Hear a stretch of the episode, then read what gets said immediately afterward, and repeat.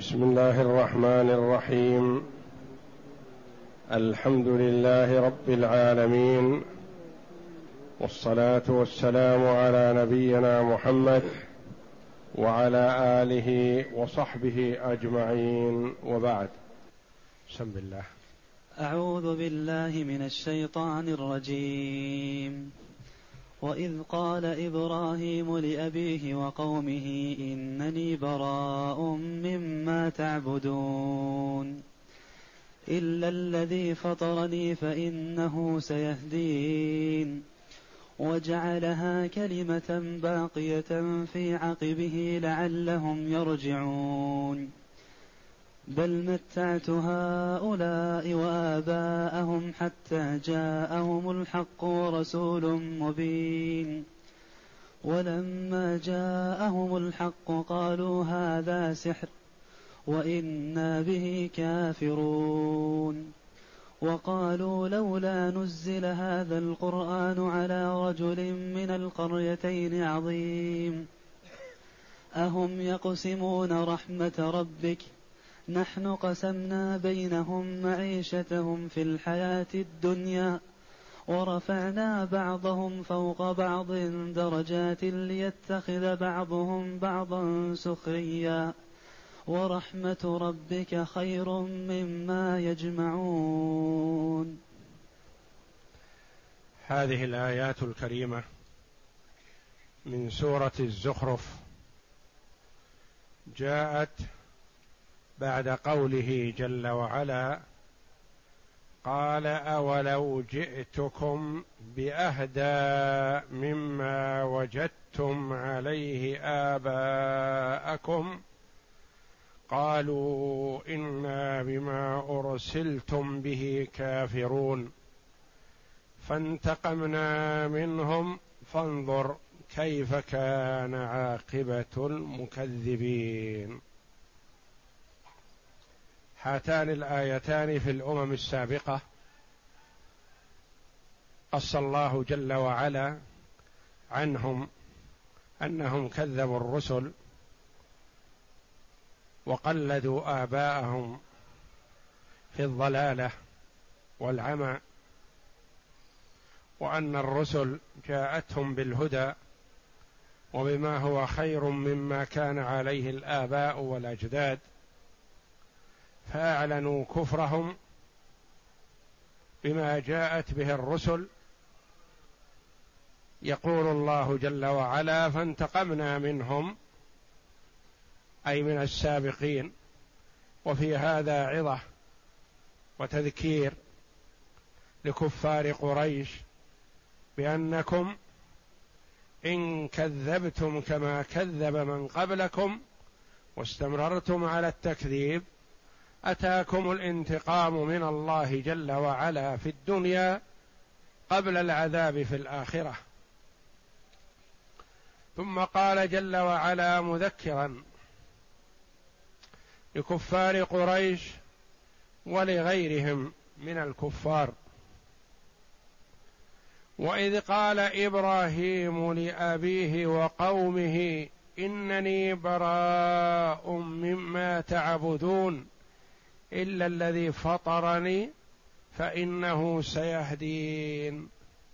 وجعلها كلمة باقية في عقبه لعلهم يرجعون. الآيات.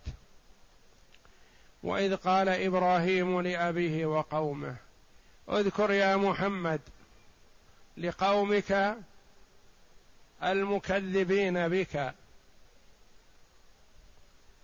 مقالة إبراهيم عليه السلام لأبيه الذي هو أقرب الناس إليه ولقومه الذين هم خاصته وأهله.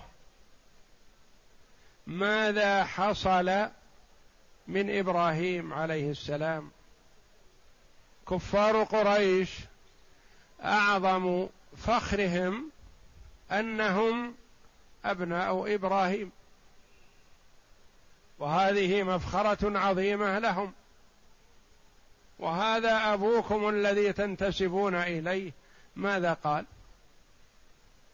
ذكر الله جل وعلا إبراهيم على نبينا وعليه أفضل الصلاة والسلام. لأن الشرائع كلها بعده كلها توالي إبراهيم. وتحب إبراهيم وتفتخر بالانتساب إليه واتباع طريقته. كما قال الله جل وعلا ردا عليهم في انتسابهم وأنهم أن إبراهيم على دينهم ما كان إبراهيم يهوديا ولا نصرانيا. اليهود يقول نحن أبناء إبراهيم والنصارى يقول نحن أبناء إبراهيم. والمشركون يقول نحن أبناء إبراهيم. فقال الله جل وعلا ما كان إبراهيم يهوديا ولا نصرانيا ولكن كان حنيفا مسلما وما كان من المشركين. إن أولى الناس بإبراهيم للذين اتبعوه وهذا النبي والذين آمنوا. هؤلاء هم أولياء إبراهيم. لا أنتم. فكفار قريش يفتخرون وحق لهم أن يفتخروا بالانتساب إلى إبراهيم. أو أنهم انتسبوا إلى ملته كما انتسبوا إلى بنوته لكان لهم فخر. قال لمن؟ قال لأبيه وقومه.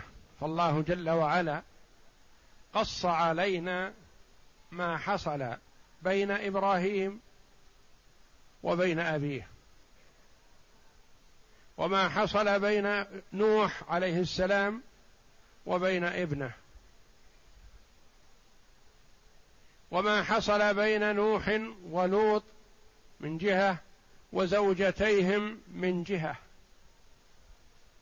وما حصل بين زوجة فرعون وفرعون. حتى لا يتعلق متعلق ولا يتشبث متشبث بقرابته الأخيار إذا كان بخلاف ذلك. وحتى لا يظن ظان أن كون والده أو ولده أو زوجة أو زوجته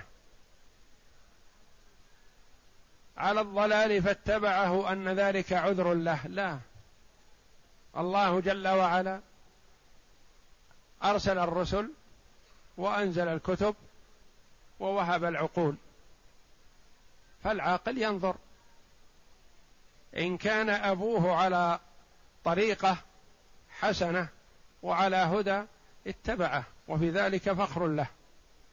يتبع سلفه على الحق. وإذا كان بخلاف ذلك فلا. يتبع الحق لأن إذا كان الأب في النار تلحقه في النار. إذا كان الأب على الضلال تلحقه على الضلال لا. انج بنفسك. فالله جل وعلا يقص على كفار قريش مقالة أبيهم إبراهيم لأبيه وقومه. هذا من ناحية أنكم زعمتم التقليد وأبوكم ما قلد. قلتم وجدنا آباءنا على أمة وإنا على آثارهم مهتدون. هذا أبوكم إبراهيم. وجد أباه على ما كان عليه فلم يتبعه. هذا من ناحية التقليد على الضلالة تحذير.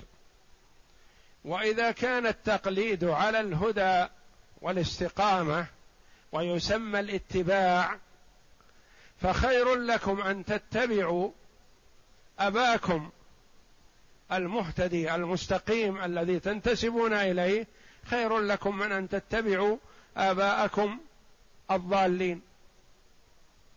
فلا تقلدوا ضال وإنما قلدوا واتبعوا المهتدي. ففيه النهي عن التقليد والأمر بالاتباع. التقليد على الضلالة لا. أبوكم ما قلد أباه. الاتباع حسن. اتبعوا. اتبعوا أباكم. هذا أبوكم إبراهيم أفضل الآباء وأكرم الآباء وابو الانبياء عليهم الصلاة والسلام اتبعوه. نهي عن التقليد من ناحية وحث على الاتباع من ناحية أخرى. ماذا قال إبراهيم لأبيه وقومه؟ ما كان معه أحد. كلهم ضده. إذ قال لأبيه وقومه. إنني براء مما تعبدون. إنني براء بريء. مما تعبدون إلا الذي فطرني. إلا هنا استثناء. ويصح أن يكون الاستثناء متصل ويصح أن يكون الاستثناء منقطع. متى يكون متصل ومتى يكون منقطع؟ يكون متصل إذا عرفنا أن أبا إبراهيم وقومه يعبدون الله ويعبدون الأصنام. فيكون الاستثناء متصل. وإذا قيل إن أبا إبراهيم وقومه لا يعبدون إلا الأصنام فيكون الاستثناء حينئذ منقطع. إذا كان الم... القاعدة إذا كان المستثنى إذا كان المستثنى جزءا من المستثنى منه فالاستثناء متصل. وإذا كان المستثنى غير المستثنى منه فالاستثناء حينئذ يسمى منقطع بمعنى بل أو بمعنى لكن. انني براء مما تعبدون منقطع لكن أعبد الذي فطرني. انني براء مما تعبدون هم يعبدون الله ويعبدون الأصنام براء مما تعبدون إلا واحدا مما تعبدونه. إلا واحدا وهو الله الذي فطرني. براء هنا مصدر قالوا يصح. يطلق كلمة براء يعبر عنها بها عن المفرد والمثنى والجمع والمذكر والمؤنث. يقول الواحد أنا براء من كذا. ويقول الجماعة نحن براء من كذا. ويقول الاثنان إنا براء من كذا. وتقول المرأة أنا براء من كذا. وكلمة براء من المصادر التي تطلق على المفرد والمثنى والجمع. إنني براء مما تعبدون. من الذي تعبدونه أو من عبادتكم أو من معبودكم. إلا واحدا إلا الذي فطرني. إلا الذي فطرني بمعنى خلقني وأوجدني. فطر بمعنى خلق. وأوجد وابدع يقول ابن عباس رضي الله عنه فيما روي عنه أنه قال أشكلت علي كلمة فطر حتى جاءني أعرابي مع آخر يختصم في بئر فقال أنا فطرتها. بلغته العربية يعني أنا أوجدتها. إلا الذي فطرني فإنه سيهدين. فإنه تعالى سيهدين. السين هنا قالوا لا يصح أن تكون للتسويف وإنما هي للتأكيد. فإنه سيهدين. وأتى بالفعل المضارع للدلالة على الاستمرار على الشيء والتجدد وزيادة الهدى والتوفيق. لأنه حينما قال هذا القول هو مهتدي لكنه يطلب الزيادة من الله جل وعلا. والهداية كالإيمان تزيد وتنقص. فالإيمان يزيد بالطاعة كلما اجتهد المسلم في طاعة الله جل وعلا وأكثر من النوافل زاد إيمانه. وكلما وقع المسلم في المعاصي نقص إيمانه حتى لا يبقى منه شيء. كما قال صلى الله عليه وسلم لا يزني الزاني حين يزني وهو مؤمن ولا يسرق السارق حين يسرق وهو مؤمن. وكلمة قوله إنني براء مما تعبدون إلا الذي فطرني هذه كلمة التوحيد. كلمة الإخلاص. كلمة الإيمان. الفارقة بين المسلم والكافر. لأنها مبنية على النفي أولا ثم الإثبات. النفي أولا الكفر بكل ما سوى الله. والإيمان بالله وحده. مثل لا إله نفي الألوهية عن كل معبود سوى واحد هو الله. لا إله إلا الله. مبنية على النفي والإثبات. وهنا إنني برا براء مما تعبدون.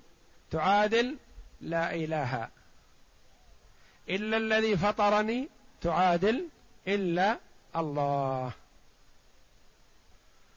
وجعلها كلمة باقية في عقبه لعلهم يرجعون. جعلها عندنا ضميران. جعل الفاعل من هو؟ والها المفعول. جعلها. ضمير مستتر وضمير بارز. الضمير المستتر الفاعل الجاعل. وضمير البارز المفعول. جعلها الها هذه تعود إلى الكلمة. جعل هذه الكلمة وهي كلمة التوحيد كلمة الإخلاص كلمة الإيمان كلمة الإسلام يصح أن تسمى بكل هذه الأسماء وهي الفارق بين المسلم والكافر. من قالها فهو المسلم إذا قام بحقوقها ومن رفضها فهو الكافر. وجعلها أي هذه الكلمة وجعلها أي كلمة التوحيد النفي والإثبات لا إله إلا الله. وجعلها من الجاعل؟ قيل الجاعل إبراهيم. جعل إبراهيم هذه الكلمة في عقبه يعني وصاهم عليها يتوارثونها يأخذون بها. من أطاعه أخذ بها ومن عصاه حاد عنها. هذا قول كثير من المفسرين. وقيل الجاعل هو الله جل وعلا. جعلها الله كلمة باقية في عقب إبراهيم يعني في ذرية إبراهيم. وهذا يصح لأنه ما بعث الله من نبي بعد إبراهيم عليه السلام إلا من ذريته. وجعلها كلمة باقية مستمرة. وصى بها إبراهيم أو جعلها الله في ذريته. كلمة باقية في عقبه. والعقب هم الذرية. في عقب إبراهيم. وإبراهيم عليه السلام دعا لنفسه ولذريته. فقال واجنبني وبني أن نعبد الأصنام. واستجاب الله جل وعلا له في بنيه من صلبه. ومن أراد الله جل وعلا له الهداية من من اختارهم من ذرية إبراهيم. ومنهم من ضل كما قال الله جل وعلا لا ينال عهد الظالمين إخبار بأن من ذرية إبراهيم من يضل ويهلك كما هلك كفار قريش فهم قطعا من عقب إبراهيم من حيث النسب.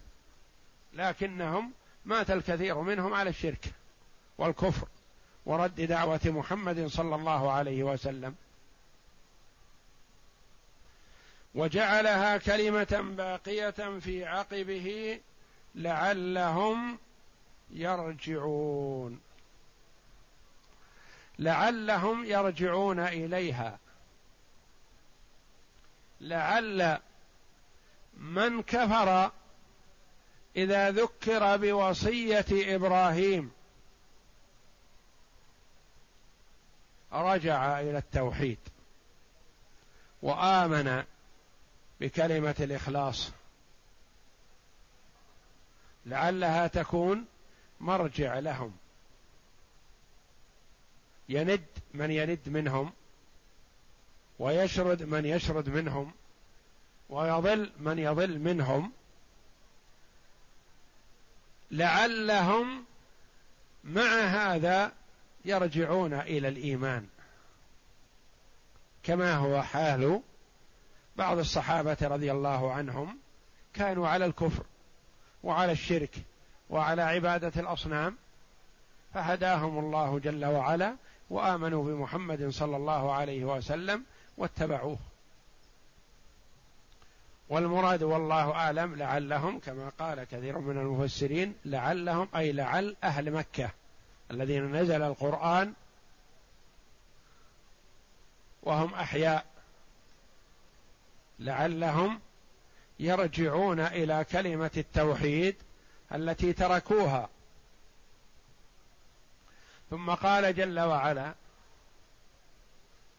بل متعت هؤلاء وآباءهم. اقرأ. يقول تعالى مخبرا عن عبده ورسوله وخليله إمام الحنفاء الذي تنتسب إليه قريش في نسبها ومذهبها أنه تبرأ من أبيه وقومه في عبادتهم الأوثان فقال إنني براء مما تعبدون إلا الذي فطرني فإنه سيهدين وجعلها كلمة باقية في عقبه. أي هذه الكلمة وهي عبادة الله تعالى وحده لا شريك له وخلع ما سواه من الأوثان وهي لا إله إلا الله أي جعلها دائمة في ذريته يقتدي بها من هداه الله من ذرية إبراهيم عليه السلام لعلهم يرجعون. وببركة دعوة إبراهيم كما ورد من زمنه إلى أن يرث الله الأرض ومن عليها لا يزال في ذرية إبراهيم من يوحد الله جل وعلا. لا تخلو الأرض من موحد لله جل وعلا. كما وجد في زمن الجاهلية حنفاء يعبدون الله على ملة إبراهيم. كقس بن ساعدة وورقة بن نوفل وغيرهم من الحنفاء الذين كانوا يتعبدون على ملة إبراهيم وما عبدوا الأصنام. كرهوها وما قبلوها. وقس بن ساعدة مات قبل أن يبعث النبي صلى الله عليه وسلم وورقة بن نوفل رأى النبي صلى الله عليه وسلم شيئا من النبوة وأنزل عليه الوحي بالنبوة وورقة حي حيث قال يا ليتني أكون فيها جذعا إذ يخرجك قومك. يعني فأنصرك. قال أو مخرجيهم؟ استغرب النبي صلى الله عليه وسلم أن يخرجوه لأنه عندهم الصادق الأمين. عندهم لا يقدمون عليه أحد ولا يفضلون عليه أحد. من ثقتهم بالنبي صلى الله عليه وسلم. قال ما جاء أحد بمثل ما جئت به إلا أوذي وأخرج. يعني سيخرجك يخرجونك. فوجد في زمن الجاهلية من الحنفاء على ملة إبراهيم. وجعلها كلمة باقية في عقبه لعلهم باقية في عقبه من زمن إبراهيم عليه السلام إلى أن يرث الله الأرض ومن عليها إلى قيام الساعة لأن الساعة لا تقوم إلا على شرار الخلق إلى ما قبل ذلك كانوا لا تخ... لم تخلو الأرض ممن يعبد الله على الحنيفية. وقال عكرمة ومجاهد والضحاك وقتادة وغيرهم في قوله تعالى وجعلها كلمة باقية في عقبه يعني لا إله إلا الله لا يزال في ذريته من يقولها وروي نحوه عن ابن عباس. وقال ابن زيد كلمة الإسلام وهو يرجع إلى ما قاله الجماعة. ثم قال تعالى بل متعت هؤلاء. بل متعت هؤلاء أي كفار قريش وأهل مكة. وآباءهم متعهم الله جل وعلا بالصحة والعافية والغنى والجاه والرياسة وما إلى ذلك من متاع الدنيا. فانشغلوا بهذا المتاع ولم يقبلوا الهدى الذي جاء به محمد صلى الله عليه وسلم. انشغلوا بهذا حتى جاءهم الحق على لسان محمد صلى الله عليه وسلم فلم يقبلوه. فآثروا ما هم فيه من المتاع من الرياسة والجاه على قبول دعوة محمد صلى الله عليه وسلم. بل متعت هؤلاء وآباءهم حتى جاءهم الحق. انشغلوا بهذا المتاع ولم يقبلوا الحق الذي جاءهم به محمد صلى الله عليه وسلم. والمراد بالحق القرآن وقيل الإسلام ولا منافاة. ورسول مبين هو محمد صلى الله عليه وسلم. رسول بين واضح لا غبار عليه ولا شك فيه يعرفونه ويعرفون صدقه وأمانته وإخلاصه ونصحه لهم صلوات الله وسلامه عليه. ومثله ما قال الله جل وعلا في أهل الكتاب وما تفرق الذين أوتوا الكتاب إلا من بعد ما جاءتهم البينة. يعني انشغلوا بما هم فيه من الرياسة والجاه وحب الشرف والمال فلم يقبلوا الهدى الذي جاء به محمد صلى الله عليه وسلم. فاليهود والنصارى يعرفونه كما يعرفون أبناءهم. ولم يقبلوا ما جاء به إيثارا للرياسة والمال والجاه والسلطة وأكل أموال الناس بالباطل. ولما جاءهم الحق قالوا هذا سحر. لما جاء محمد صلى الله عليه وسلم بالقران وبالأمر بإفراد الله جل وعلا بالعبادة والإخلاص له قالوا القرآن سحر. وقالوا شعر وقالوا كهانة. وهم يعرفون في حقيقة نفوسهم سلامة القرآن وطيبة وحسن لفظه وحسن معانيه. يعرفون ذلك حقيقة لكنهم قالوا هذا القول لأجل محمد صبا يعني ظل يعني جهل يعني سفه. ووصفوا النبي صلى الله عليه وسلم بالسفه والجهالة.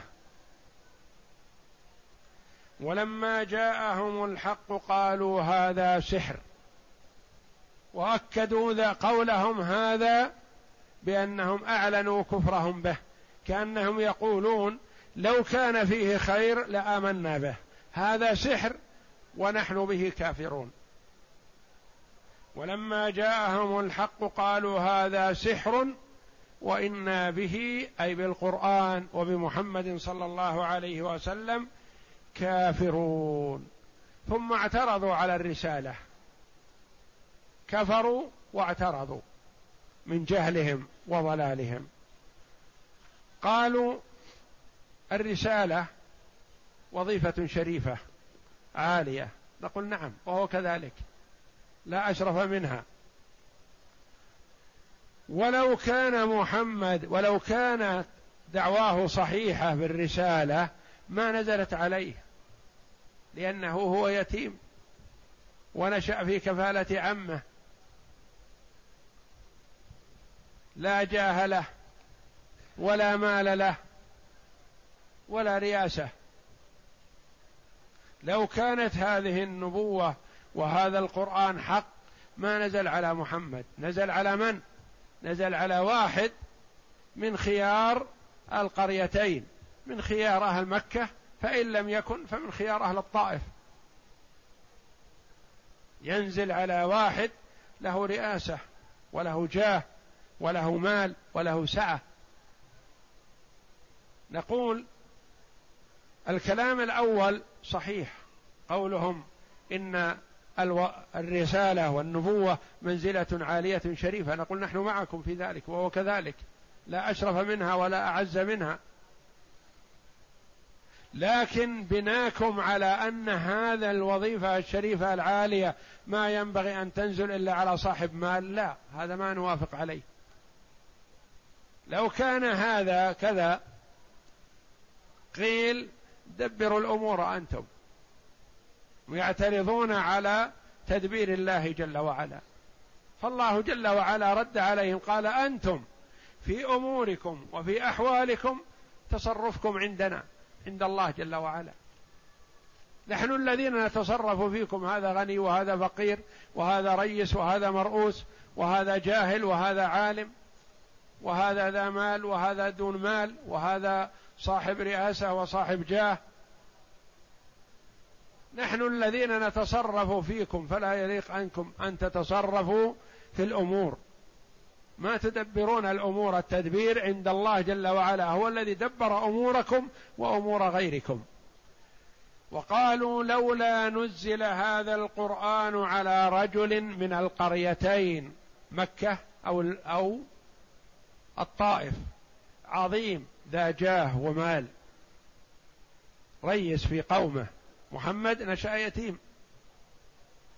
قال الله جل وعلا ردا عليهم. استفهام إنكار. أهم يقسمون رحمة ربك؟ متى جعلنا الأمر إليهم؟ يقول هذا يصلح للرسالة وهذا ما يصلح.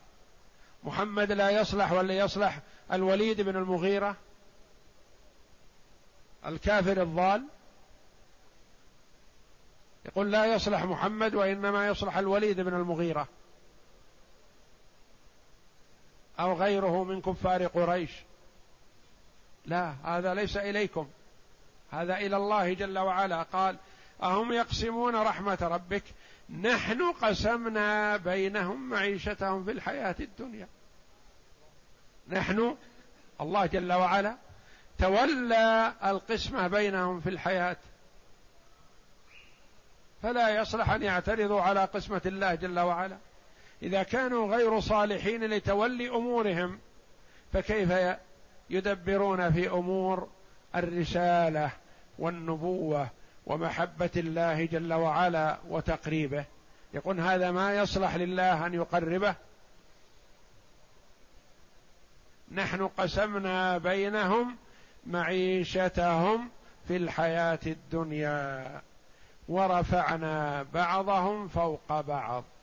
جعلنا منهم أغنياء وفقراء وجعلنا منهم رؤساء ومرؤوسين. ليتخذ بعضهم الأغنياء والرؤساء بعضا الفقراء والمرؤوسين سخريا يسخرونهم في أعمالهم وحاجاتهم وما يريدونه بالأجر أو بدون أجر. ورفعنا بعضهم فوق بعض درجات ليتخذ بعضهم المرفوعين بعضا الأدنين سخريا. وقراءة بكسر السين سخرية أي مسخر. ورحمة ربك الجنة. أعظم وأكرم وأفضل. خير مما يجمعون خير مما يميلون إليه من الدنيا. الدنيا قسمناها بينهم وفضلنا بعضهم على بعض ونعطي ما هو أفضل من ذلك وهو الجنة. رحمة ربك يرحم بها من شاء من عباده فلا اعتراض لهم. يقولون هذا فقير ما يصلح للجنة. هذا خادم هذا مولى هذا رقيق. الله جل وعلا يعطي ما شاء لمن شاء جل وعلا. وفاضل بين عباده بالإيمان والعمل الصالح. إن أكرمكم عند الله أتقاكم. فالكريم عند الله جل وعلا هو التقي وإن كان عبدا مجدع الأطراف إذا اتقى الله جل وعلا فله السعادة والفوز في الدنيا والآخرة. وإذا كفر بالله جل وعلا وإن كان أنسب الناس كما قال الله جل وعلا تبت يدا أبي لهب وتب. عم النبي صلى الله عليه وسلم ومن أفاخر قريش ومن عظمائهم. تبت يد أبي لهب وتب ما أغنى عنه ماله وما كسب سيصلى نارا ذات لهب وامرأته حمالة الحطب في جيدها حبل من مسد. سبه الله جل وعلا بهذا السب العظيم يتلى قرآنا إلى يوم القيامة. لأنه كفر بمحمد صلى الله عليه وسلم وكفر بالقرآن فلا قيمة له. ولم ينفعه شرفه ولا قربه من النبي ولا ولايته ولا رئاسته ولا منزلته في قريش. وفي قوله جل وعلا أهم يقسمون رحمة ربك؟ رحمة بالتاء تقرأ. وتكتب بالتاء اتباعا للمصحف العثماني حيث كتبت في عهد عثمان رضي الله عنه وهي في سبعة مواطن. من القرآن مكتوبة بالتاء المفتوحة. وما عداها تكتب بالتاء المربوطة رحمة بالهاء. في سبعة مواطن من القرآن تكتب بالتاء. موطنان هذان. أهم يقسمون رحمة ربك ورحمة ربك خير مما يجمعون. موطنان في هذه الآية في الزخرف. و وفي البقرة في قوله جل وعلا أولئك يرجون رحمة الله. وفي الأعراف في قوله تعالى إن رحمة الله قريب من المحسنين. وفي هود رحمة الله وبركاته عليكم أهل البيت إنه حميد مجيد. وفي مريم في أول السوره ذكر رحمة ربك عبده زكريا. وفي الروم في قوله تعالى فانظر إلى آثار رحمة الله. في سبعة مواطن من القرآن تكتب رحمة بالتاء المفتوحة. وما عداها تكتب بالهاء المربوطة. في البقرة والأعراف وهود ومريم والروم واثنتان في الزخرف. بل متعت هؤلاء يعني المشركين وآباءهم أي فتطاول عليهم العمر في ضلالهم حتى جاءهم الحق ورسول مبين أي بين لهم الرسالة والنذارة. يعني رسالته بينة وواضحة وجلية. مبين عما يقول أو بين بالنسبة لذاته صلى الله عليه وسلم يعرفون عنه أنه ما كان ليكذب على الله وقد عرف عنه عدم الكذب على الخلق. عرفوا عنه منذ الصغر عدم الكذب على الخلق.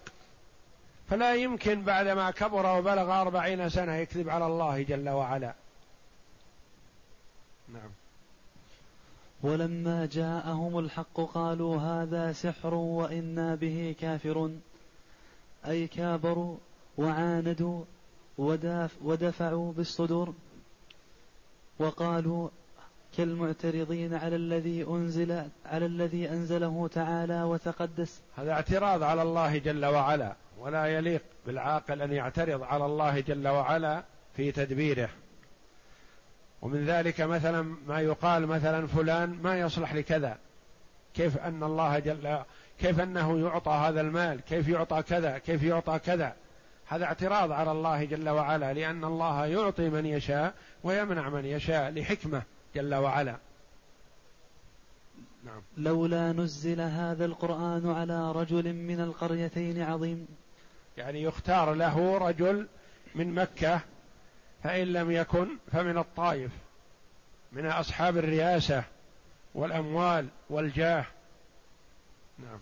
هلا كان إنزال, إنزال هذا القرآن على رجل عظيم كبير في أعيانهم من القريتين يعنون مكة والطائف قال ابن عباس رضي الله عنهما المراد بالرجلين الوليد بن المغيرة من مكة وعروة بن مسعود الثقفي من الطائف.